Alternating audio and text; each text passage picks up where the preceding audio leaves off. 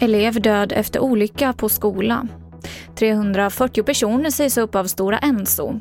Och var tredje svensk drack alkohol åtminstone varannan dag under semestern enligt en ny studie. TV4-nyheterna börjar med att en elev avlidit efter en olycka på en skola. Det var den 23 augusti som eleven skadade sig allvarligt på en högstadieskola i Stockholmsområdet. Skolchefen för den berörda skolan bekräftar nu för Aftonbladet att eleven har dött. Och omständigheterna kring olyckan är okända men det finns ingen misstanke om brott.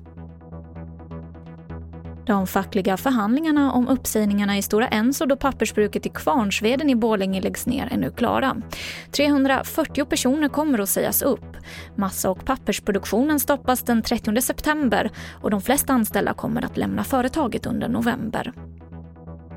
Efter den senaste tidens skjutningar slår nu en av polisens experter på gängbrott larm om att mer resurser måste till för att utreda brotten.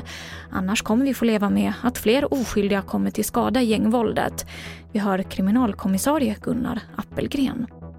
Jag skulle nästan säga att det är en ohållbar situation för de utredare som jobbar med det här. Det var ett extremt tryck. Extremt. Det vi behöver göra är att anställa fler civilanställda. Vi behöver ta varenda polis som har gått i pension som kan utreda som vill. Det ska vi ta in på timme och hjälpa till att utreda.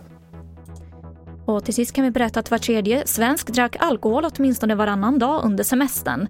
Detta enligt en undersökning som beställts av IQ, ett bolag under Systembolaget som arbetar med kunskap om alkoholvanor. Och den visar också att en dryg tiondel drack så mycket under sommaren att de övervägde att ändra sitt drickande. Och det här var det senaste från TV4 Nyheterna. Jag heter Emily Olsson.